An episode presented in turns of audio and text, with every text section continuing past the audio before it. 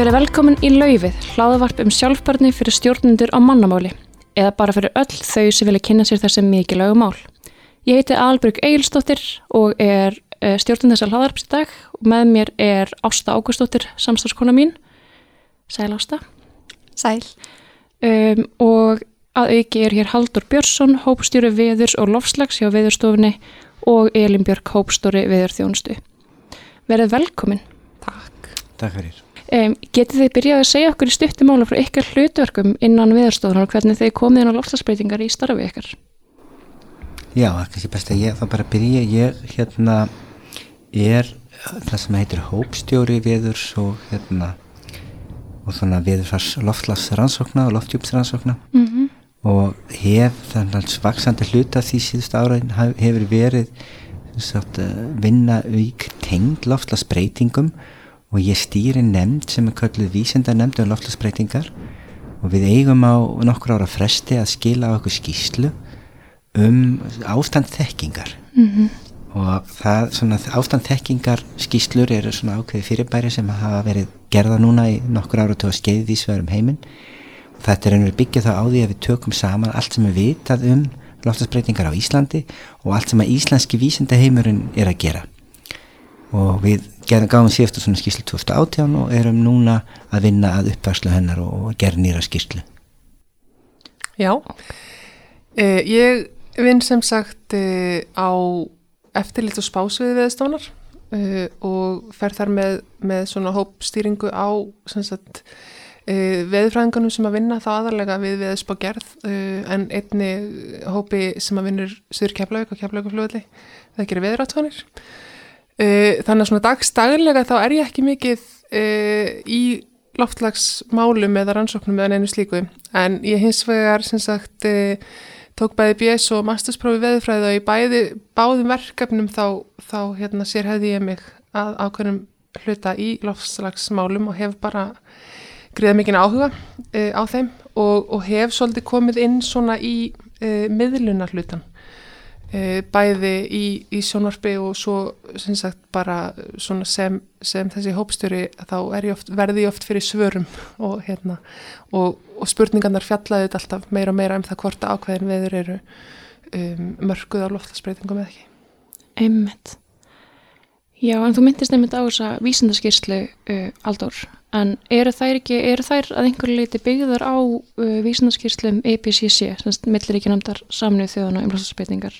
Já, þær eru það að, að nokkru leiti. Það er að segja að milliríkjanemdin gefur út svona sagt, alþjóðlega samantekt Mm -hmm. og byggt á henni er lagt fram gríðalegt magna af gögnum sem aðri geta þá notað og við erum yfirleitt með svona stutt yfirleitt um hvað kom fram í síðustu skýslu eða, eða hvað hefur IPCC verið að gera síðan við gáðum síðustu skýslu sem er eiginlega kannski frekar þannig. Og hérna og þeir er mitt gáð út skýslu núna í fyrra og í ár hérna sem er, er verið að sagt, vera tekna svona að minnst á samantekt á þeim kannski hjá okkur. En aðalatrið hjá okkur er samt að fara yfir bara hvað er vitað um Ísland og hvað eru áhrifin á Íslandi sem eru alltaf sérstök og hvað eru íslenski vísindamenn hvernig er íslenski vísindaheimurinn sem endur, er ekkert endilega endurspeglaður í þessari, þessum erlenduskíslum sko. þannig að það er og það er, þetta er ofsalega skemmtilegt að gera því að það er alveg gríðalega mikið þekking sem er að mótast hérna í kringum áhrif lofslagsbreytinga og ég hef stundum talað um það sko að Ísland er svona einhver leiti algjörlega æðislega tilrauna stofa fyrir aðrar og við sjáum, það er til svæð á Íslandi þar sem að þú sér jökulhopa þú sér landi verða grætna og hérna sjáafstöðu breytingar sem er eiga sér stað á sama tíma alveg gríðarlega miklar vegna þessar reyndar. Þetta er allt bara á sama sömu svona 100 kilómetran kannski. Það er bara engin annar staður í heiminum þar sem við sér þetta sko. Þannig að þetta er, við erum í mjög einstakli stöðu að, að skoða landið og áhrifin. Þannig að við það sést kannski, það sem er kannski gert á Íslandi í dag er mögulega þá einhver leiti bara svona lítið tilhörnumótil fyrir hvernig heimurinn mun breytast. Ég held að það geti verið það sem er leitið þetta. Það er ekkert jöklar allstaðar í Nei, sko. en hérna, en sko til dæmis bara þau sko gera okkur spes er að það sem er áhugavert við Íslanda við erum stað á Íslanda sem sjávarstaða mun falla. Og hérna það er alveg gersanlega, það er nánast sérstakt vandamál fyrir okkur, það er mjög fáir aðrir hugsanlega grannlendingar sem þurfa að glíma við þetta en hérna, en á sama tíma erum við önnusvæði þar sem sjávar mun, mun rýsa og, og hérna og að, að einhver leiti erum við sko ég sé stundum umfjöllun til dæmis um að nýlega bara las ég einhverja grein þar sem við erum að ræða um að það myndi hugsa að fjölga eldgóðsum við höfum vitað þetta í síðan 2008 fyrsta greinum þetta hér á landi sko. og við höfum verið að fjalla um þetta alveg endalaust og vitum þetta raun og veru þó nokkuð þess að við höfum alveg ágættis mat á hvað er, hvað er áhrifin í hugs, hugsanlega verst hvað er hugsanlega skást sko. og hérna það er alls konar þannig hluti sem við erum að einhver leiti tilraunastofa við erum allavega sko mjög gátt svæði til að sína hver áhrifin geta verið Það er líka annað við þetta sko, við erum svo lítil þannig að við hérna e, bara alveg eins og með svona náttúruvarvöktun almennt og setjum við alls svo þétt saman að, að hérna það er sjaldan þannig að, að einhver uppgötu eitthvað e, sko varðandi til dæmis bara gróðufari eða, eða hérna já, sjáastöðubreitingar eða eitthvað annað og, og sagt og aðrir vísindamenn á landinu sem eru líka að skoða loftlagsbreytingar og áhrifin af þeim að þeir heyri bara ekkert af því. Veist þetta samfélagið er það lítið að, að svona þekkingar yfirfæsla hún gerist tiltala hratt sem er líka mjög óvinnlegt e, svona miða við kannski stærri löndi kringum okkur. Já það er líka sko, dæmið sem minnist á sko svona, bara beinti yfir tengti sem við spurðum sko það er líka hérna bara sko jökla. Þá er Ísland þannig að menn geta sko þú getur flógin til Íslands vísindamæður með hópindinn og þeir eru komin að fara komin á jökulun og fara að gera rannsóknir daginn eftir jafnvel sama dag ef þeir eru í morganflugi og hérna sko við vinnufélagi með eitt fór til að gera rannsóknir í himmalagi fjöllum mm. og það liði 30 daga frá því að hann lendi þá getur þeir voru komnir á staðan þess að það ætlaði að gera rannsóknir wow og það er bara, þú veist, þetta er bara þetta er allt önnur útgerð sko. Og hérna það þýður náttúrulega sko, sumuleiti þá er þetta frábær staður til að skoða hluti því að sko náttúran þessi eðlifræðilega ferli eru eins allstaðar sko. Þannig ef að þú ert að skoða ferli sem að er á Íslandi en líka vantartikku þá er miklu ódýrar að skoða því á Íslandi. Þannig að við líka erum að þá getum það bóðið upp á ímistækifær fyrir Erlanda vísindamenn að koma hingað og, og skoða íslenska náttúru og, og hvernig allt Já, er að gerast það er alveg, það er alveg í, í fullum gangi sko. Já, það er eitthvað sem er mjög gaman að skoða einmitt hér. Einmitt, og ég held að það sé kannski ekki á allra veitarði sko, að, að hérna, hér er yðurlega fjöldi vísindamanna við rannsóknir. Já, e, og svo byrtast greinar bara hér og þar og, og við lesum um niðurstöðnar en, en, hérna, en við auðvitað græðum heilmikið á þessu og það sem að Haldur var að segja hann var, varðandi sko, EPCC er að sko EPCC er raun og veru gerir engar greiningar eða, eða hérna uh, keirir engin líkon fyrir lönd sko, heldur er þetta allt svona status uh, á landsvæðum. Mm þannig að, að þó að þar komi oft fram auðvitað sviðsmyndir að þá þurfum við síðan að taka til okkar sömu gögn og keira þau sérstaklega hvarða niður fyrir Ísland. Og það er auðvitað stór hluti líka því sem að, sem að hérna, þarf kannski að gera meira af að það er að skoða bein áhrif á Ísland og á svona Íslandst veður og náttúrufar frekar en bara í þessu stóra samhengi sko. er mikið samstarf á hinbóin líka? Þannig að Íslandingar eru að fara út Arlendis og, og skoða hvað er í gangi þar er það aðalega vísindamann að koma hingað? Sko það er náttúrulega, menn eru þá yfirleitt bara í einhverjum svona vísinda samstarfi sko og það er er mjög aktíft alltaf og við höfum verið með hérna aðila sem eru rítstjórar í þessum IPCC skýslum og hérna eins og Guðfenna Algersdóttir var núna síðast í hérna rítstjórin Skaplans þarna og hérna og svo erum við alltaf með sko íslenski vístamenn bara heldum að frá jökla eru í endalösu samstarfi við aðra aðila á viðfærum heim sko. Og Grænlandsjökull er náttúrulega annars svona stór jökull rétt hjá okkur það sem að hérna er alltaf einhverjir sko. Mm. og hérna og þar með talið náttúrulega Íslandingar og já og Íslandingar náttúrulega þá líka í því þannig rannsóknar samstarfi sko. Þannig að það, það gengur alveg í báða vegu sko. Það var nú einhver að benda mér á nýlega bara rannsóknar reyndar ekki tengt láflagsbreytingum heldur eldgósi þar voru nokkri samstarfsmenn okkar Elinar meðhöfundar, tvær greinar sem byrtust í Nature í síðustu viku. Og þegar maður skoðar sko höfundarlistan þá er þetta alveg ofsala al, alþjóðlegu listi. Íslendingarnir, það er margir Íslendingar en það eru líka sko mjög margir sem eru þetta, vísindamenn sem eru fættir erlendis og eða mentar erlendis en vinna og starfa á Íslandi. Þarna líka sko Nei, þannig að það er, þetta er bara þessi heimur sem við búum í er ekkert ofsalega kannski brotið niður á svæði endilega sko En þið e- eru búin að minnast á hluti eins og náttúrulega sem fólk almennt séð veit að eru aflegin glatsbreytinga eins og bráðnun jökla, uh, hækkun sjáarstöðu, þú minnst líka lækkun sjáarstöðu sem staðar vendalega vegna lands, Það landris. í tilviki er það landris. Já, einmitt. Um, og svo meiri, þessast, meiri gróður þekja og svo myndistu líka á mögulega meiri líkur á eldkussum. Hvað, hvað, hvað fleira? Er, er, er fleira sem við þurfum að Sko, að vara okkur á? það er þetta gróðuþekjan er mjög gott dæmi að það Ísland grængar Já, og það við sjáum það að það er að gerast og, og hérna og jafnvel á svæðum við tókum eitthvað til einu sinni og gerðum það sem kallum endurgreiningu þar sem við keirum viður líkan frá 1970 og tímabilið sem við tókum frá 79 til 2016 mm. og ef maður skoðar gróðufarsbreytingar og úrkomubbreytingar ef maður skoðar fyrir ekki hitabbreytingar og úrkomubbreytingar á þessum tíma þá fær maður ákveðu kort svo var vilt svo til að það voru aðilar sem að voru að vinna hjá náttúrufræðastofnum minni mig frekar landbúnarháskólanum sem að byggja til kort af grængun á Íslandi byggt á gerfinlætagögnum mm. algjörlega ólíkt bara græni liturinn í hérna mynd, gerfinlætamyndum á Íslandi og hérna og þá kom í ljós að, að, að, þú getur metið gróðfarsbreytingar þannig. Og gróðfarsbreytingar á Íslandi það pössuði eiginlega akkurat við það sem að þetta veður líkana útrætingar okkur hafði gefið til kynna sko, og það er bara dæmi þetta er að gera við erum að grænka. Og þetta var alveg ofsalega mikið bara í takt drifið af hérna hlínuninni og, og, og úrkombreytingum og það kom okkur óvart að við vorum líka alveg að búast að það gæti verið önnur merkið þarna breytingar og beit eða eitthvað sko mm -hmm. þetta hefði miklu meira bara beinárif þó að auðvitað eru hinn sjálfsagt til staðar einhver staðar en, en í þessari mælingu Já. þá sá maður þetta betur svona og hérna ef það er að gerast jöklar eru að hopa, þeir eru alveg hafa verið að hopa mjög mikið um. síðustu ár uh, Það sem við erum sérstaklega að horfa á eða höfum verið svona velta fyrir okkur er þessi úrkomu ákefð. Já, -hmm. það er alveg það er svona hversu mikið rignir á, á einhverjum ákveðnum tíma, tíu myndum eða, eða klukkustund eða sex tímum. Að, að það svona virðist sem að undanfærin ára þá hafi þessi úrkomu ákefð aukist.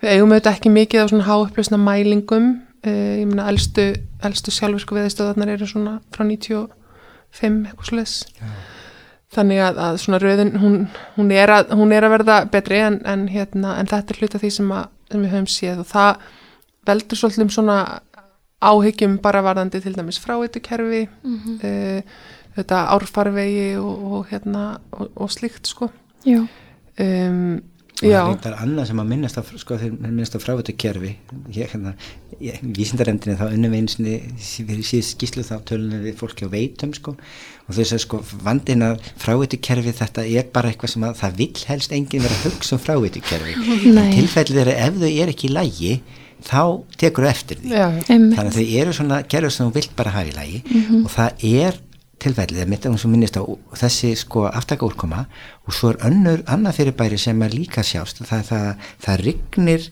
sko, áður fyrir þá var það þannig bara veturinn ef hann er, ef við vetur þá er náðu kallt til að það er ekki endilega falla mikil rigning Já. að vetur til um. en það leið og hlínar aðeins en ekki svo mikið sko það sé ekki enþá frósin jörð mm. þá lendir maður í vandræð með það að þegar rignir þá kemst vatnið ekkert um. það fer ekki ofan í jörvegi og það er annað sem er, er maður sjá slíka og, mm -hmm. og emmitt ef þið fengið einhvern frá veitum þá getur þið sagt einhvern frá því sko, þetta er emmitt eitthvað sem er taka eftir að gerist mm -hmm. Emmitt, ég emmitt uh, var hvað fyrir svona 5-6 árum fór ég til, til spánar um haustið og við lendum í svona svakalegri rigningu og enduðum á að, að vaða vatnið bara upp á njám sko mm -hmm. og þetta var bara rigning eftir einhvern einn og halvan að tvo klukkutíma vegna þess að bara fráutikirfi er ég ekki við mm -hmm. Ég hef aldrei séð svona aður en mér finnst líka rigningin hafa brist á Íslandi hvernig hún er, kannski það bara eitthvað haustum á mér. En mér líður eins og þegar ég var krakki þá var alltaf rigning og rók en núna finnst mér eins og séð stundum koma svona útlandarigning ég, ég gæti farið út með reglíf Já, ég hef alveg heyrt þetta á þér sko. Ég, ég kann ekki alveg að skýra þetta. En kannski er það vegna þess að það er einmitt sko heldur meiri rigning í þeim aðstæðum að það er lengt. En við sjáum nú ekki, ekki sérstök dæmi um það að það hafi sko vindur hafi minga vegna loftlagsbreytinga, hann Nei, nei. mingar meira vegna bara gróðurfars Já. og bygginga allavega hér í borginni sko. En það er reyndar eitt af því sem sko, svona dettur alltaf út af sömu líkunum sko. Þetta er skrítið að, að svona meðalvindur gæti alveg fallið þegar líður á mm -hmm. sko, bara einfallega því að það hlínar hlutaði sem drýfur vind er bara einfallega að það er kaldara fyrir norðan okkur en sunnan okkur sko. En ef það hlínar meira fyrir norðan okkur en sunnan okkur þá minkar þessi munur sem er náttúrulega að gerast, er ekki norðurskautið að, að hlína fjórfald hraðar en, en restina heima? þá gætur alveg verið þar aðstöða vindur mingi eitthvað sko. En vandin er sko við að, að á móti kemur að versta viður, það er ekkert sem er augljóslega að segja þér að versti, versti vindur er mingi svo mikið því að hann Nei. er drifin aðeins af öðrum þáttum og meðal annars bara því að það er meiri rak í loftinu. Mm. og, hérna, og svo kólnar í, í hálftónum og, já, og, þannig að það er ímyndin sem getur gert á móti sko en, en ég myndi hef oft upplifað þetta på síðkastið að standa það rignar mjög sem er þetta er voðalega útlandaleg rigning. Þetta er svona allt og stórir drópar og allt og þjætt og eitthvað svona. Mm. en, en ég svo sem gæti alveg verið að ímynda með þetta veist, það gæti alveg verið að þetta sé bara hafi líka verið svona þegar ég var krakki, ég bara tók ekki eftir því sko. Já, ég er alltaf ég var bara krakki fyrir 15 árum og mér finnst þetta að hafa bara já, ég, en ég er líka býrendur annars þar á höfbrukarsvæninni gerði þá Já, mm. ég held að það sé alveg eitthvað til í þessu semst af því að þetta líka þessi úrkomu ákefðar sko pæling við kannski líka sjáum þetta þegar við erum farin að hugsa um þetta sko Já. en ég held þó að það sé eitthvað til í þessu vegna þess að bara það er bara mjög eðlisfræðilega lógist að ef að lofthjúpurinn hlínar þá ber hann meiri raka og þá mm. verður meiri rigning og, mm. og lofthjúpurinn yfir landinu hefur hlínað og, og það er ekkit ólíklegt og ekkit óhugsandi að þá auðvitað kom heiti kjölfarið og eiginlega bara mjög líklegt en það er svo erfitt að horfa á sko einhver eina gusu, nú lendum við nú bara í dembi og leðinni hingað sko Einmitt. og það er ekkit hægt að, hægt að merkja hana sérstaklega uh, óvinnulega eða ekki sko nei, nei. En við allavega búumst við aukinu ringningu mm -hmm. með mhm. hlínun og við búumst líka við öðruvísi flóðum mm -hmm. og, og það er svona augljósu hlutnir eins og sko flóð sem kemur að vetra til bara þegar bráðnar það breytist aðeins að því að þegar hlínar þá er að bráðna aðeins ofar í fjallendi og þá er aðeins öðruvísi flóð og það raunverð getur búist við sko meiri vetrarflóðum fyrir vikið sko. Uh, þá snjóflóðum eða, eða vassflóðum vassflóðum sko. já, vassflóðum, snjóflóður er svo annar handleikur það er, maður myndi að þetta í fullkomnum heimi myndi maður bara segja hey, það var snjó að minna og það var minni snjóflóð sko. Mm en það er ekki sko, fyrir miða við þessar upp í sko hlínun upp að einni, tvein gráðum þá erum við ekki endilega að sjá það merki það breytir bara tímasetningun sko. þannig að það er svona, það er ekki eftir að segja já og við munum fá minni snjóflóð sem mm -hmm. veri alveg æðislegt þau eru ofsalega mann, sko þetta er, þetta er mjög mikil náttúru vá og, og, og, og væri alveg frábært ef hún myndi hverfa. Mm -hmm. en því miður er það ekki allavega í byli Nei. sem sínir það. Nei og svo ofan í það að þá þetta sko virðist e, þessir svona frost þýður ringir stittast þannig að það er oftar sem að það kemur þýða við veturinn bara af því að við erum komið svo nálagt sko meðal hittirinn komið svo nálagt frostmarki e, sem að veldur allskins vandamálum og meðal annars skriðiföllum sko Já e, og, og svo þetta hópin jöklana veldur líka skriðiföllum þannig að við erum að horfa á, á svona mjög mikla hvað ég segja, aukningu bara á þeirri vá, bara á skriðu vá, það er svona allavega hvað við á, á svona eftirlis og spásu við þessum ofanflóðdildin er innan okkar, mm. okkar sviðs svona sjáum að, að það, það þarf að drífa í gang alveg gríðarlega mikla vinnu við að, að hættum þetta skriðu hættuna Það er líka þannig að það eru til landsvæði þar sem að sko hefur verið alltaf líka sífreri sem held jarfiðinum svona samandaldið sko. Þannig að þá var í halla, þá öruðu ekki skriðufall svo leið og sífreri fyrir að brána þá fyr, getur þetta farið á stað sko. Og það eru land örfa á sko örfa á skriði sem að falli það sem að hefur verið sko mold sem kom niður sem var greinilega hafi verið saman frosin aðeins áður sko. Já. þannig að við vitum að þetta er alveg möguleiki. Mm hérna, svo skipt aðeins um hvernig, hvernig áhrif verður það að sjá í hafstreymum, til dæmis golfstreymurinn Haldur verður að taka þetta. Já, þá, þá, þá dæstan sko. Hérna, eins og stendur þá eru sko, það eru hafströymarnir kringum okkur hafa alltaf sínt mjög mikið breytileika yfir svona áratugji það koma kaldir áratugir og heitir áratugir sko. Og það var mjög mikið hlínun hér upp úr svona um aldamótin, rétt fyrir aldamótin. Og hlínar allt, sérstaklega vestan við landið. Og svo held það áfram norðan við landið alveg lengi vel sko, svo kom og þetta hefur svona náð kannski hámark svona í 2015 eða eitthvað sko. svo hefur svona síðustu árin verið aðeins bakslag í þessu. Og hérna og sérstaklega söð suðnan við landið, suðvestan við landið mm. er blettur sem kallar kaldi bletturinn kaldi bletturinn, já, já og hérna mikið, og mikið sko, það, það er alltaf ákveðin ótti um að það verði svo mikla breytingar á hafströmmum að það kólni á okkar svæði þó að hlýnarast þar annar staðar því, mm. því að hafströmmandir hýta ekki í jörðuna þeir bara færa hýtan til sko Já. og hérna en hérna enn sem komið er einhvern merki þess þetta er allt bara sveiflur sko og núna er reyndar hafið, allt þetta haf heitar en það hefur verið mjög lengi. Mm. það er svona, það er svona heita bilgja í hafi í gangi núna svona rétt við svona ja, austurströnd bandaríkjana sko og það tekur hann yfirst alltaf tíma að berast til okkar. En hérna þannig að þannig að svona merki næstu ár er ekki neitt þannig að það sé eitthvað að fara. Við hins vegar, það hefur verið daldið lengi ummerki um að ákveðin tegunda hafringráð sem við kallum djúpsjóhringráðsin sé að hægja á sér. Og ef það gerist, þá, ef hún myndi stoppa þá myndi það hafa verulega áhrif en, en það er ekki einhvern veginn alveg hægt að fullera það muni gerast sko. en lang líklegast er það bara þau áhrif yrðu kólnun á svæði í Norrallasaf og jafnvel hjá okkur.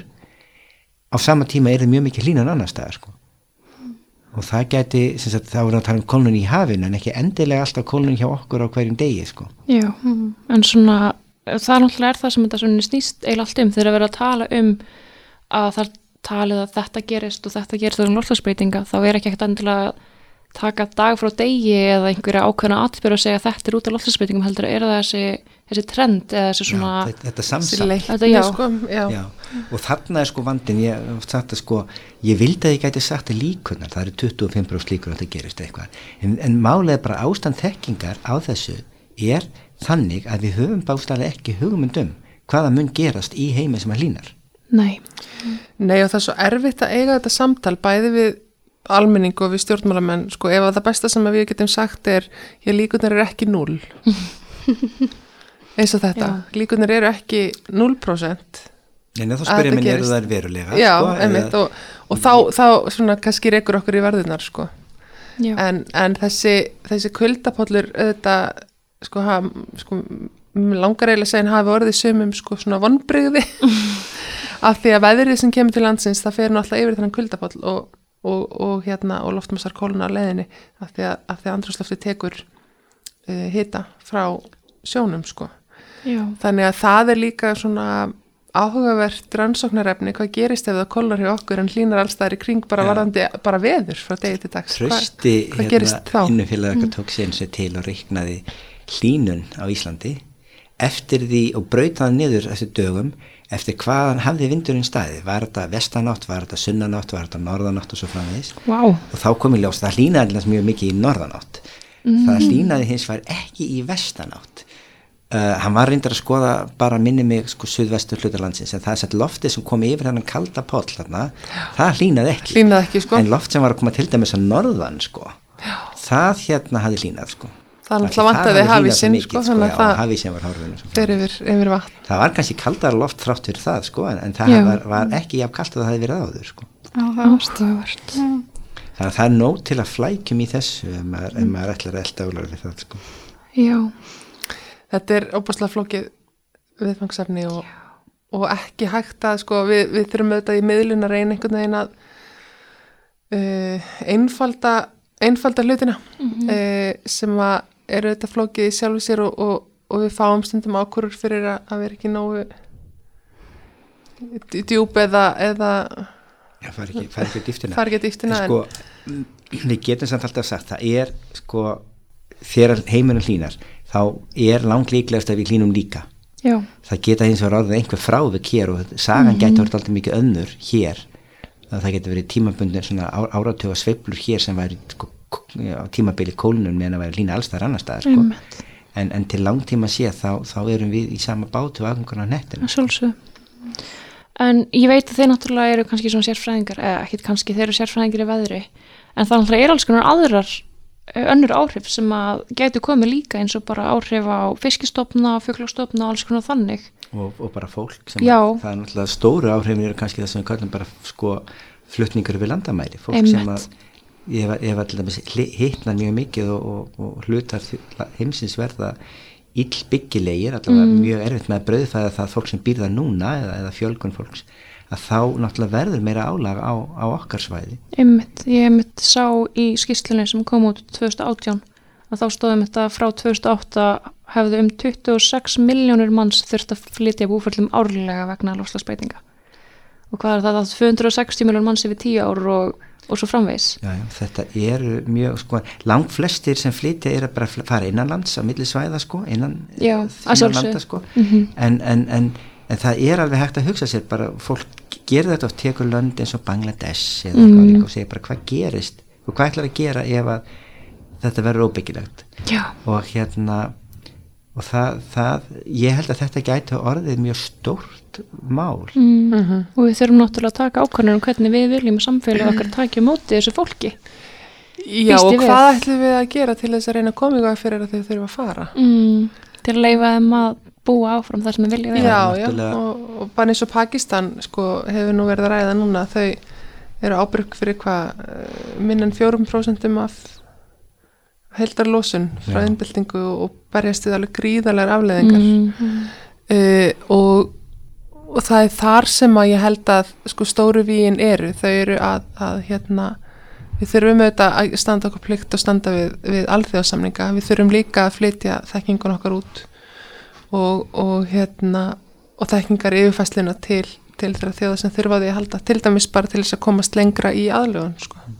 það er til sko uh, nú erum við ekki mikið að tala hér um hamfara eða slíkt en það er til fyrirbæri geta tipping points eða vendipunktar mm. sem eru svona áfall sem eru á einhver liti óafturkræf. Dæmi gæti verið bara sko það verðist vera sem að Amazon fremskóðurinn viðhaldi sjálfum sér aldrei ef að Amazon fremskóðurinn mingar mikið þá geta hann orðið ástand þannig að hann hreinlega fari nýri bara eitthvað pínlítið magnaði sem hann er núna og kom ekki eftir og þetta er svona dæmi með vendipunkta. Annað gæti verið að verður uh, í sjávar lóðrættas ringrásin hverfur eitthvað líka sko í, í hafinu, þetta eru svona vendipunktar og það eru til nokkuð margir af þeim og, og, og reyndar ný grein sem talar um 60 áður voru það 90 sko.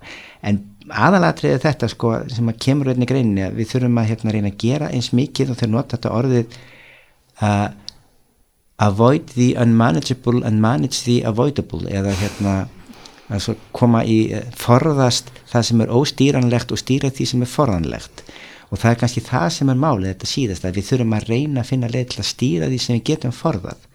Og þá komum við eftir að sko fólki eins og í Bangladesh og fleira. Það er raun og verið aldrei á okkar ábyrð að geta og okkar meina ég nú svona heimsbyðin eða innríkin allavega að geta komið í vekk fyrir það tjón sem veldur því að þeir myndu þurfa að fara sko.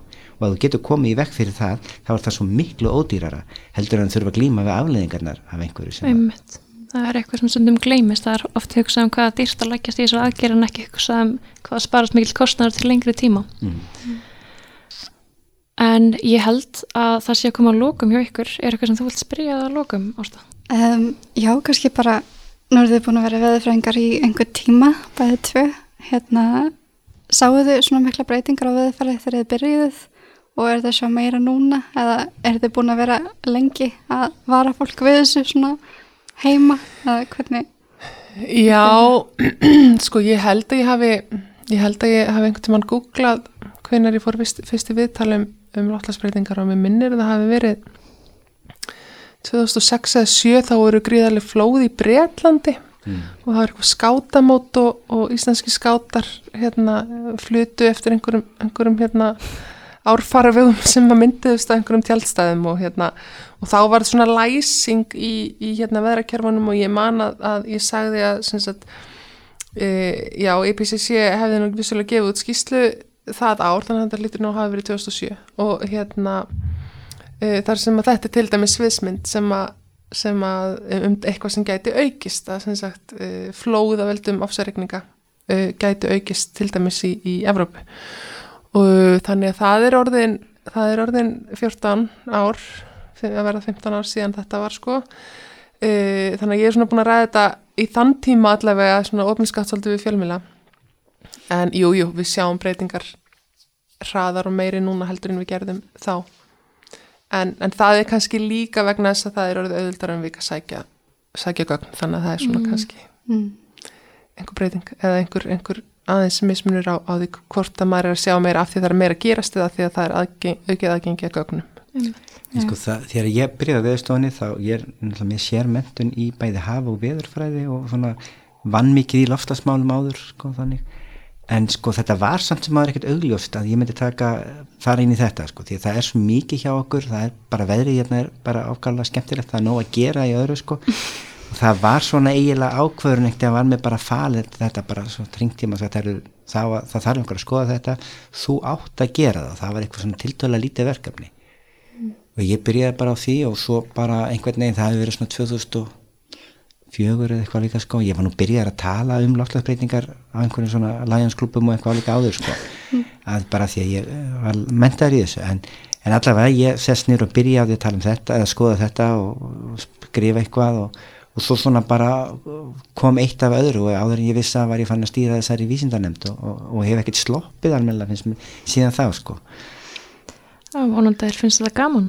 Sko þetta er mjög gaman, þetta er mjög gaman en þetta er að þetta sko að sumuleiti daldið hérna erfitt að vera að, að tala um þetta, þetta er algjörlega æfingi að vera eins og bílu plata sko, eitthvað, þú ætti að segja það sama aftur og aftur og aftur og velti fyrir þér á ekkert að gera sko heimsbyðin er búin að vera fullu að reyna að gera eitthvað, þetta bara gerist ofsalega hægt því að það snúa heimsbyðinni við þetta er bara eins og snúa við stóru skipi sko það bara tekur rosalega tíma og sérstaklega þegar ég er ekkert allir að sammálaðið að eigi að beigja sko. Ég er ekki allir að róa alveg sem átt sko. Nei, nei.